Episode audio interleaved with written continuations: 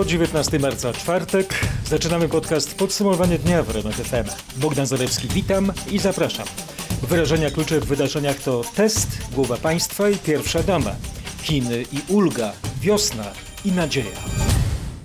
Liczby są takie bezduszne, ale oddają skalę problemu.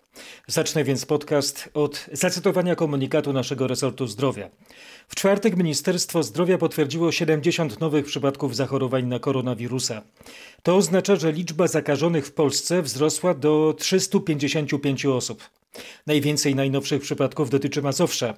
Patryk Michalski przekazał, że dwie osoby, które miały być zakażone, okazały się zdrowe. Po powtórzonych badaniach okazało się, że pierwsze wyniki o tych osób były błędne, a chodzi o pacjentów z Białego Stoku i Wałbrzycha. Oni zostali wyłączeni z dotychczasowych potwierdzonych wyników.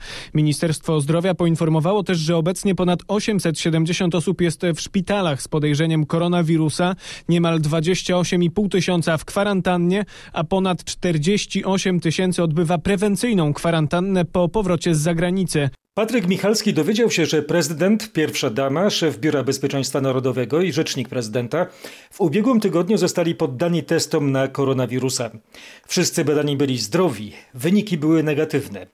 Kancelaria prezydenta dotychczas nie informowała o przeprowadzeniu tych testów. Andrzej Duda, Paweł Soloch i Błażej Spychalski mieli kontakt z generałem Jarosławem Miką, który jest zakażony koronawirusem. Co bardzo ważne, do spotkania doszło jeszcze przed wizytą generała w Niemczech, gdzie najprawdopodobniej się zaraził. Dodam, że to spotkanie była to odprawa w Biurze Bezpieczeństwa Narodowego kilkadziesiąt godzin przed wylotem generała do Wiesbaden. Test był jednak prewencyjny na wypadek, gdyby okazało się, że generał był zakażony wcześniej. Te obawy jednak się nie potwierdziły. Kancelaria prezydenta dotychczas nie informowała o tych testach. Z moich informacji wynika, że szefowa kancelarii poleciła, żeby pracownicy pałacu nie udzielali żadnych informacji związanych z zagrożeniem epidemicznym pracowników Pałacu Prezydenckiego. Lekarski personel jest na pierwszej linii frontu z pandemią. I tak 12 osób, lekarzy i pielęgniarek zostało zakażonych w szpitalu w Nowym Mieście nad Pilicą, 6 osób z personelu medycznego w pobliskim Grójcu, jedna pielęgniarka z pozytywnym testem w Piasecznie. Coraz trudniejsza robi się sytuacja w mazowieckich szpitalach. Na kilku oddziałach pacjentami opiekuje się jeden lekarz i jedna pielęgniarka. Mariusz Piekarski ustalił, gdzie jest najgorzej. Zdecydowanie w Nowym Mieście nad Pilicą, bo tam poza 12 osobami zakażonymi aż 60 osób czeka na wynik testu. Dlatego na kilku oddziałach trudno skompletować nawet minimalną obsadę lekarsko-pielęgniarską. Na oddziale wewnętrznym 19 pacjentami zajmuje się jeden lekarz i jedna pielęgniarka, tak samo na chirurgii. Był plan, by część pacjentów przenieść do innych pobliskich placówek, ale już wiadomo, że w Grójcu część personelu także jest zakażona. To cztery pielęgniarki i jeden lekarz. Prawdopodobnie dlatego, że jedna zakażona pielęgniarka z Nowego Miasta pracowała w kilku innych szpitalach. Wojewoda Mazowiecki proszony o pomoc zapewniał, że do szpitala w Nowym Mieście skieruje dodatkowych lekarzy, internistów i chirurgów, tylko nie wiadomo skąd i ilu. 141 pacjentek ginekologa z Poznania, u którego wykryto koronawirusa, zostało objętych nadzorem epidemicznym przez Sanepid. Kobiety trafiły do gabinetu lekarza po tym, jak wrócił z zagranicznego urlopu, ale zanim jeszcze trafił do szpitala na kwarantannę. U mężczyzny potwierdzono koronawirusa. O tym przypadku poinformował Mateusz Chłystun. Stan 60-letniego ginekologa lekarza ze szpitala zakaźnego przy Szwajcarskiej w Poznaniu określają jako ciężki. Mężczyzna jest utrzymywany w stanie śpiączki farmakologicznej. Na oddziale przebywa też jego żona. Ostateczna liczba kobiet, które miały kontakt z chorym nie jest jeszcze znana. Ginekolog zgłosił się do szpitala po tym, jak w miniony weekend zauważył u siebie niepokojące objawy. Do pracy nie chodził co prawda od minionego piątku, ale od powrotu z Austrii, czyli od 7 marca przez kilka dni przyjmował pacjentki. Jak informuje Sanepid, ostateczna liczba kobiet, które miały styczność z lekarzem powinna być znana jutro lub najpóźniej w poniedziałek. Jutro, czyli w piątek, bo to czwartkowe podsumowanie dnia w RMFFM. Prokuratura rejonowa w Gliwicach wszczęła śledztwo w sprawie lekarki, która przerwała kwarantannę i przejmowała pacjentów w szpitalu w Knurowie. Okazało się, że ma koronawirusa. Anna Kropaczek dowiadywała się, jaka kara może grozić lekarce. Od pół roku do ośmiu lat więzienia. Śledztwo prowadzone jest w sprawie sprowadzenia niebezpieczeństwa dla życia lub zdrowia wielu osób poprzez spowodowanie zagrożenia epidemiologicznego. Na razie nie można przesłuchać ani lekarki, ani świadków, czyli m.in. pacjentów, ponieważ wszyscy są objęci kwarantanną. 54-letni pacjent uciekł ze szpitala zakaźnego w Zgierzu. Był hospitalizowany w związku z podejrzeniem zakażenia koronawirusem. Funkcjonariusze Wydziału Kryminalnego Komendy Miejskiej Policji w Łodzi namierzyli poszukiwanego. O finale akcji opowiada Joanna Kącka z Komendy Wojewódzkiej Policji. Został zatrzymany przy oczywiście zastosowaniu wszelkich środków ostrożności, w tym specjalistycznych kombinezonów. Zostanie przewieziony na badania, a później najprawdopodobniej do policyjnego aresztu, specjalnego policyjnego aresztu przeznaczonego na terenie województwa właśnie do osadzania tego rodzaju osób.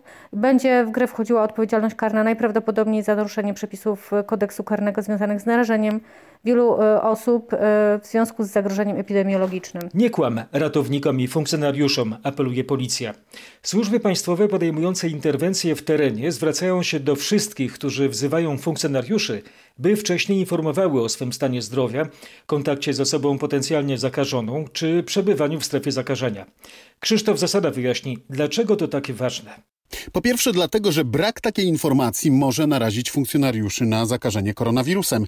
Uprzedzenie na przykład o podejrzeniach dotyczących stanu zdrowia osoby proszącej o interwencję może sprawić, że policjanci czy inne służby przygotują się w szczególny sposób. Abyśmy byli odpowiednio ubrani, aby przyjeżdżając na interwencję byli w odpowiedniej odzieży ochronnej, bo pamiętajmy, chory ratownik czy chory policjant nie pomoże już innej osobie. Mówił Mariusz Ciarka z Komendy Głównej Policji. Kontynuujemy tematy medyczne związane z pandemią koronawirusa. Posłuchajcie doniesień naukowych, potem raport ze świata, a następnie wrócimy do naszych ważnych krajowych spraw, co z nauką w szkołach, co ze sklepami.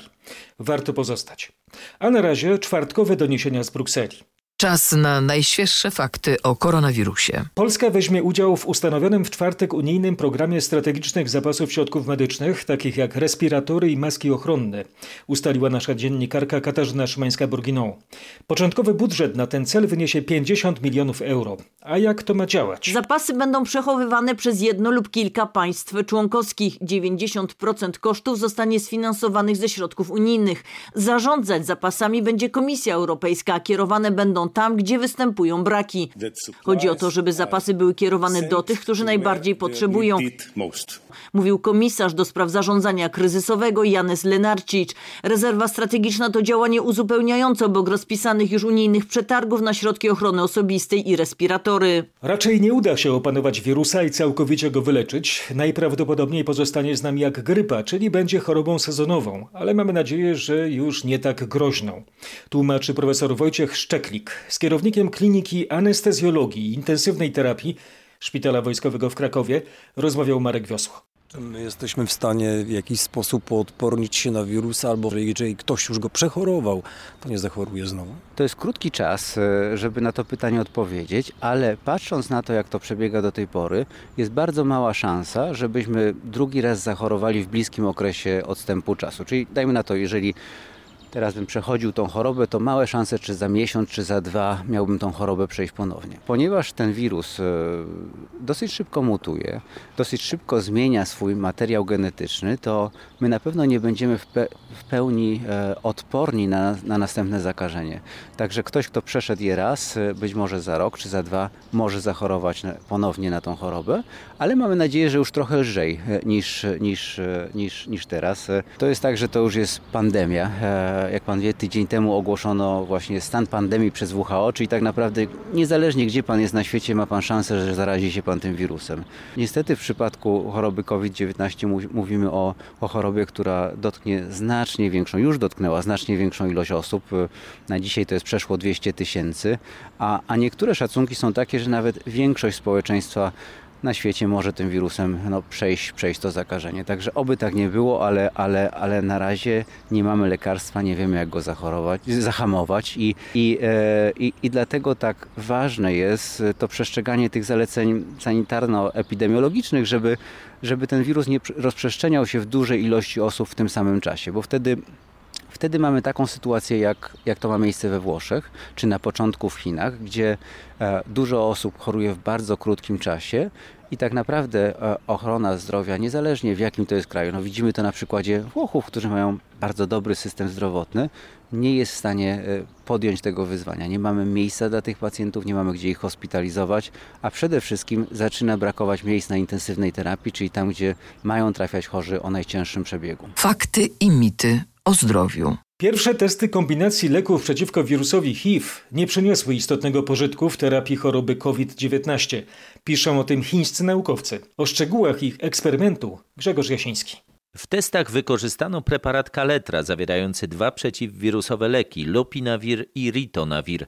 To inhibitory proteazy, których zadaniem jest zakłócenie procesu replikacji wirusa. Preparat podano 99 pacjentom szpitala w Wuhanu, których rozwinęła się już choroba wywołana koronawirusem. Ich stan porównywano z grupą 100 osób z podobną diagnozą, u których prowadzono jednak standardową terapię. W ciągu 28 dni u osób, którym podano kaletrę, dostrzeżono lekkie skrócenie czasu ustąpienia objawów. Różnice te nie były jednak statystycznie znaczące.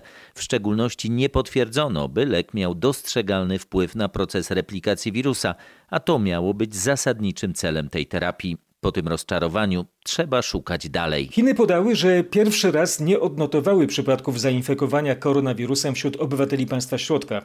W środę Pekin odnotował 21 nowych zakażeń, ale wśród przybyszów z zagranicy, głównie u podróżnych z Wielkiej Brytanii i Hiszpanii. Takie informacje podała w czwartek Chińska Komisja do Spraw Zdrowia. W związku z zaimportowanymi przypadkami koronawirusa władze naciskają na służby, aby ze zdwojoną mocą wyławiały i izolowały zainfekowanych i podejrzanych pasażerów. To reakcja Pekinu na globalny od pewnego czasu charakter plagi, ogólnoświatowy zasięg zarazy. Posłuchajcie komunikatu rzecznika Chińskiej Komisji Zdrowia Mi Fenga. Do północy w środę, 18 marca, zgłoszono 34 nowe potwierdzone przypadki u osób przybyłych z zagranicy, w tym 21 w Pekinie, 9 w prowincji Guangdong, 2 w Szanghaju, jeden przypadek w Heilongjiang i jeden w Zhenjiang. Łączna liczba potwierdzonych zakażeń koronawirusem ludzi, którzy przyjechali z zagranicy, wzrosła do 189. Posłuchajcie teraz, jak na te oficjalne komunikaty reagują mieszkańcy Pekinu. 40-letni Yu Miao tak postrzega tę sytuację. Według mnie wiadomość o braku nowych zarażeń krajowych zwiększy zaufanie wśród opinii publicznej. To szczególnie ważne dla tak oczekiwanego celu, jakim jest powrót do normalności. 71-letnia Zhu Tierong jest umiarkowaną optymistką. Sytuacja zmierza w dobrym kierunku, jednak ludzie nie mogą zapominać o ostrożności. Wiele osób wraca z zagranicy, dlatego musimy na to zwrócić szczególną uwagę. 30-letni Zhang Xianjiu krytykuje Zachód. W mojej ocenie zachodnie rządy i obywatele nie mają świadomości tego, co się dzieje i konieczności egzekwowania przepisów mimo szalejącej pandemii.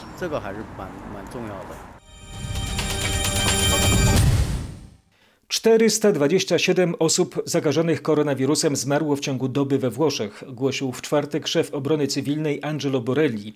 Tym samym łączna liczba zmarłych w Italii wzrosła do 3405. Zanotowano od środy 4480 nowych zakażeń. Obecnie jest ponad 33 tysiące zarażonych.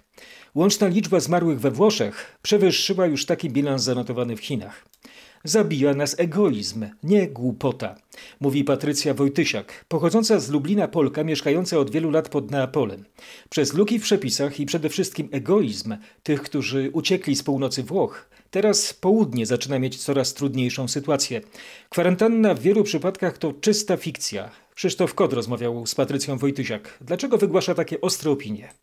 Na podstawie tego, co dzieje się w jej najbliższym otoczeniu. Z północy na przykład przyjechał jeden mężczyzna, zamknął się co prawda w kwarantannie, no ale co z tego, mówi Patrycja. Ale jego żona i jego ojciec chodzili po całym naszym miasteczku przez pięć dni. E, I teraz dowiedzieliśmy się przedwczoraj, że oni są pozytywni i zostali zamknięci wszyscy. Drugi przykład, córka, która przyjechała z Mediolanu do starszej matki. Mówię, że to jest egoizm ludzi, który, który, który zabija, który zabija. Myślą tylko o sobie. Ta sąsiadka mm, jest kobietą starszą, po 70, która miała zawał w tamtym roku, więc dam panu ocenić sytuację. Tu z kolei kobiety są w kwarantannie, ale co z tego, skoro odwiedzają je sąsiadki z bloku? To po co my siedzimy w domach? Pyta zirytowana sytuacją Patrycja. 20 tysięcy brytyjskich żołnierzy w gotowości, by wspomóc działania rządu w Londynie. Brytyjska stolica ma najbardziej stromą krzywą zakażeń koronawirusem. Zarejestrowano tam już ponad tysiąc przypadków. Dotychczas Brytyjczykom jedynie zalecono, by unikali spotkań w publicznych miejscach. Co teraz? Opisze Bogdan Frymorgan. Żołnierze w każdej chwili mogą wesprzeć działania służb cywilnych, takich jak policja, służba zdrowia i więziennictwo. Coraz częściej w brytyjskich mediach pojawiają się doniesienia o możliwej kwarantannie Londynu. Na razie zapadła decyzja o zamknięciu 40 stacji metra i ograniczeniu naziemnych połączeń kolejowych. Od przyszłego tygodnia zamknięte będą szkoły. W swych wystąpieniach premier Boris Johnson podkreśla, jak bardzo ważne dla Brytyjczyków są swobody obywatelskie, ale co zaznacza z jeszcze większą większą stanowczością, jeśli zajdzie taka konieczność, podejmie trudne decyzje. Co najmniej 30 tysięcy Polaków cały czas próbuje wrócić do kraju po tym, jak z powodu pandemii koronawirusa utknęli za granicą. To ludzie, którzy zarejestrowali się na portalu LOT do domu. To akcja awaryjnych powrotów uruchomiona przez polskie linie lotnicze. W piątek to m.in. loty z Bangkoku, Abu Zabi, Delhi i Moskwy. Ich lista znajduje się na stronie lotdodomu.pl. Paweł Balinowski wie, jakie nowe kierunki mają zostać uruchomione. Po pierwsze Afryka Zachodnia, po drugie Ameryka Łacińska. Na razie nie wiadomo dokładnie, o które lotniska może chodzić, ale trwają prace nad zorganizowaniem awaryjnych połączeń z tych regionów. W obu przypadkach loty do Polski z tych kierunków powinny odbyć się jeszcze w tym tygodniu, być może nawet w piątek. Regularnie odbywają się rejsy z kierunków europejskich, które dużo łatwiej zorganizować. Warto więc śledzić strony polskich linii lotniczych. Do tej pory w ramach akcji Lot do domu do Polski wróciło już około 11 tysięcy osób. W piątek, najpóźniej w poniedziałek, premier Mateusz Morawiecki ogłosi decyzję, co dalej z zawieszeniem lekcji w szkołach. Poinformował o tym na naszej antenie minister edukacji. Dariusz Pętkowski dodał, że przedłużenie ich zamknięcia jest teraz bardzo prawdopodobne. Na razie nie ma zagrożenia dla kwietniowego terminu egzaminu ósmoklasisty, zapewnia w RMFFM minister edukacji. Dariusz Piątkowski przyznaje jednocześnie, że może pojawić się konieczność przełożenia go na później. Gość Marcina Zaborskiego dodaje, że pod uwagę brane są dziś różne scenariusze, w tym egzamin w formie elektronicznej. A na pytanie, czy możliwe jest odwołanie egzaminu, szef menu odpowiada: bierzemy pod uwagę każdy możliwy wariant. To przede wszystkim minister zdrowia mówi o tym, że szczyt zachorowań jest przed nami, więc logiczne następstwa także dla szkół i placówek oświatowych no, nasuwają się same. Co musiałoby się stać, żeby uczniowie już w przyszłym tygodniu, e, po tym dwutygodniowym okresie do szkół wrócili? No, musiałaby wygasnąć choroba, nie być zagrożeń epidemicznych i wtedy nie byłoby żadnej wątpliwości, że należy ogłosić powrót do tego tradycyjnego nauczania. Dariusz Piątkowski i Marcin Zaborski. Cała rozmowa jest na rmf24.pl. Gorąco polecamy. www.rmf24.pl. Tym żyje cała Polska. Jak zorganizować pracę Sejmu, żeby nie zwiększać możliwości zarażenia koronawirusem? Administracja parlamentu od kilku dni rozważa możliwe warianty. W piątek po południe zbierze się w tej sprawie prezydium Sejmu. Tomasz Skory dopytywał, jakie możliwości wchodzą w grę. Pierwsza to zgromadzenie minimalnej liczby, czyli co najmniej połowy ustawowej liczby posłów. Jeśli zamiast 460 byłoby ich 230, Sejm mógłby decydować. Problemem byłoby jednak zachowanie proporcji między rządzącymi a opozycją. Strona przegrywająca mogłaby ściągnąć na salę o jednego posła więcej, przegrywający przebiliby to dwoma, pomysł jest więc niepewny. Rozważa się też wykorzystanie Sejmowej Galerii. Umieszczona tam część posłów mogłaby dzięki temu nie stykać się z pozostałymi. Nie rozwiązuje to sprawy głosowań, te jednak można byłoby prowadzić rotacyjnie. Najpierw jedni, a potem drudzy, też bez bezpośredniego stykania się. Najprostszy pomysł, głosowanie zdalne, elektroniczne, niestety nie może być użyty przez przepisy konstytucji, która wielokrotnie używa formuły głosowanie w obecności tej czy innej liczby posłów. Oznacza to także, że nie można obradować w kilku salach, bo wszyscy muszą być właśnie obecni w jednej. Obiecywanego całkowitego otwarcia sklepu w niedzielę nie będzie. Rząd prostuje wcześniejszy komunikat, tłumacząc to brakiem precyzji. Krzysztof Brenda doprecyzował te informacje. Czy sklepy będą w niedzielę otwarte? Będą otwarte, ale nie dla wszystkich klientów. Już tłumaczę. Od kilkunastu dni widzimy wzmożony handel w sklepach. Wielu z nas pamięta niedawne bitwy o papier toaletowy i puste półki, na których powinien leżeć makaron albo mydło. Rząd chce temu zapobiec, dlatego chce, żeby sklepy mogły w niedzielę kupować towar w hurtowniach, by mogły zaopatrywać swoje magazyny, tak żeby od poniedziałkowego poranka wszystkie półki były pełne. A więc sklepikarze będą mogli w niedzielę pracować, ale klientów, tak jak to jest dzisiaj opisane w prawie, wpuszczać nie będą mogli. A dlaczego rząd najpierw obiecał niedzielny handel, a potem to odwołał? No nikt do winy się nie przyznaje. W kancelarii premiera usłyszałem o niezamierzonym błędzie.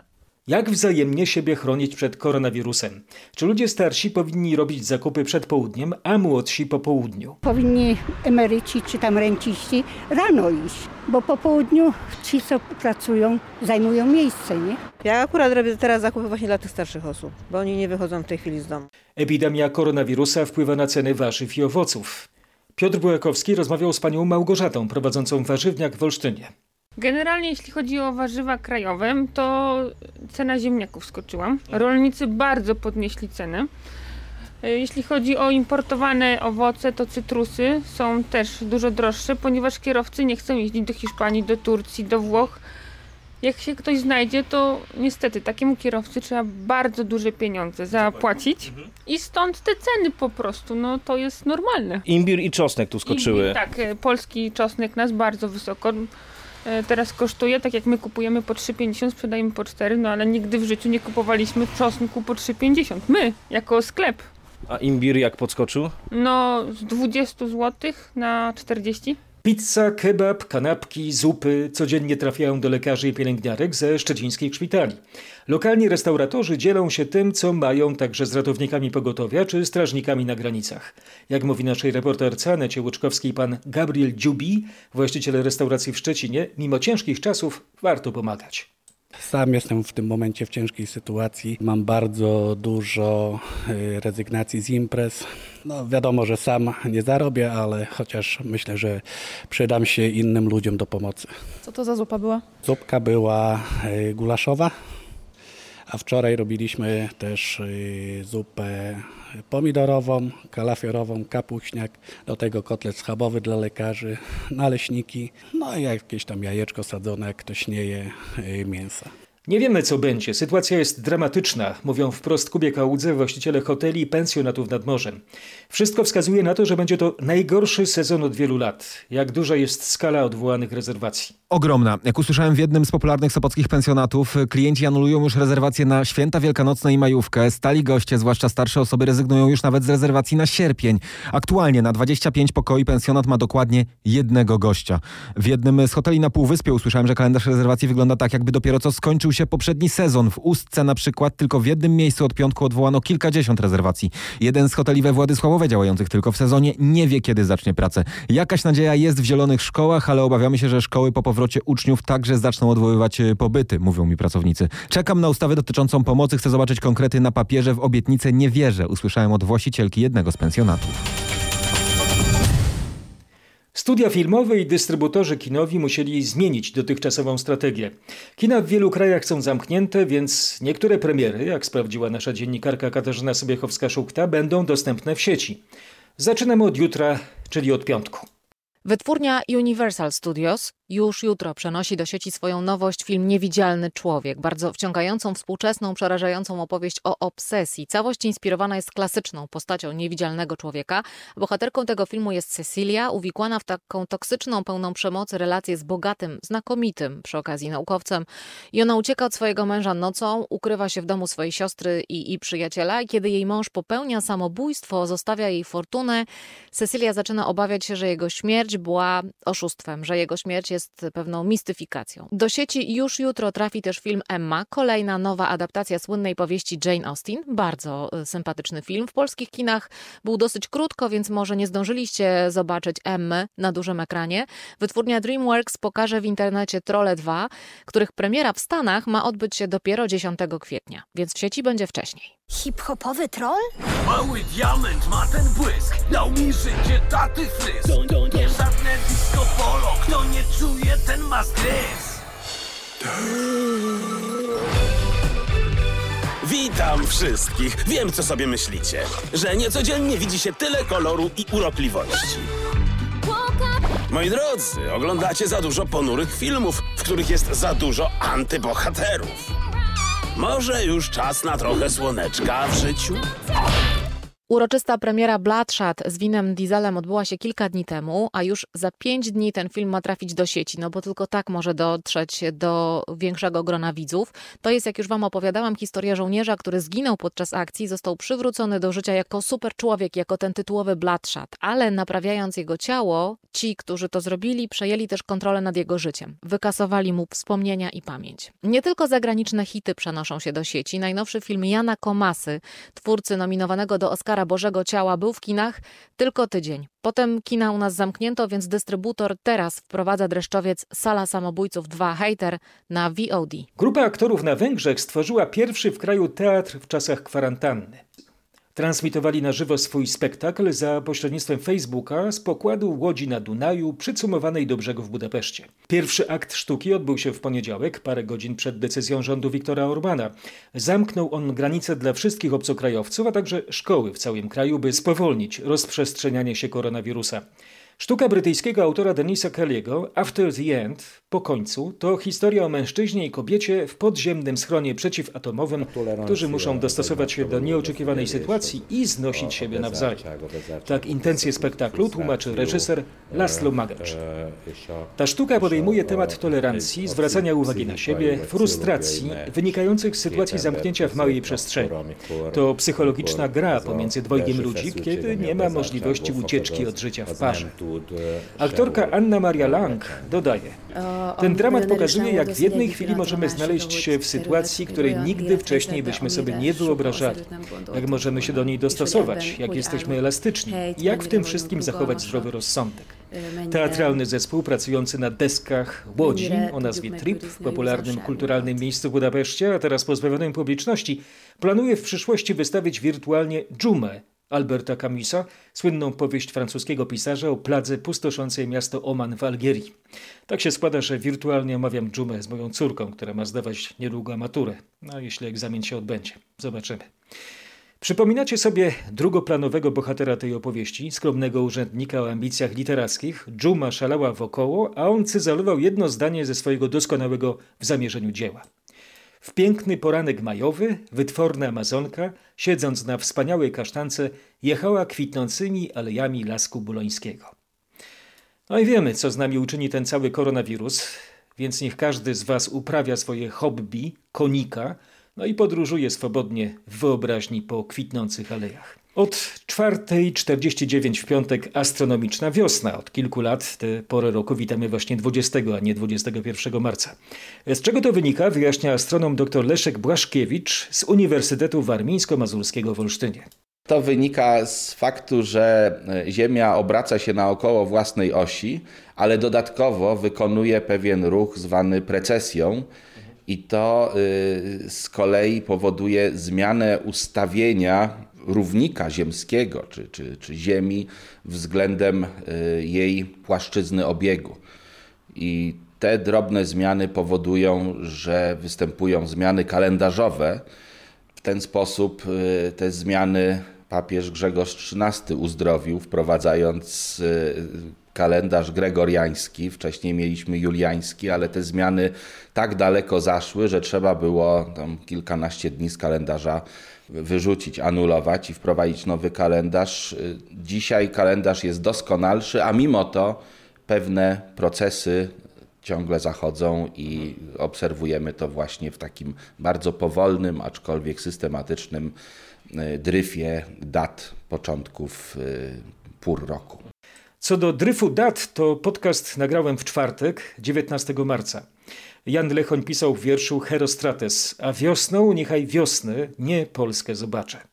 Ja to strawestuję, a wiosną niechaj wiosnę, nie plagę zobaczę. To było podsumowanie dnia w RMF FM. Dużo, dużo, dużo zdrowia Wam życzę. Bogdan Zalewski.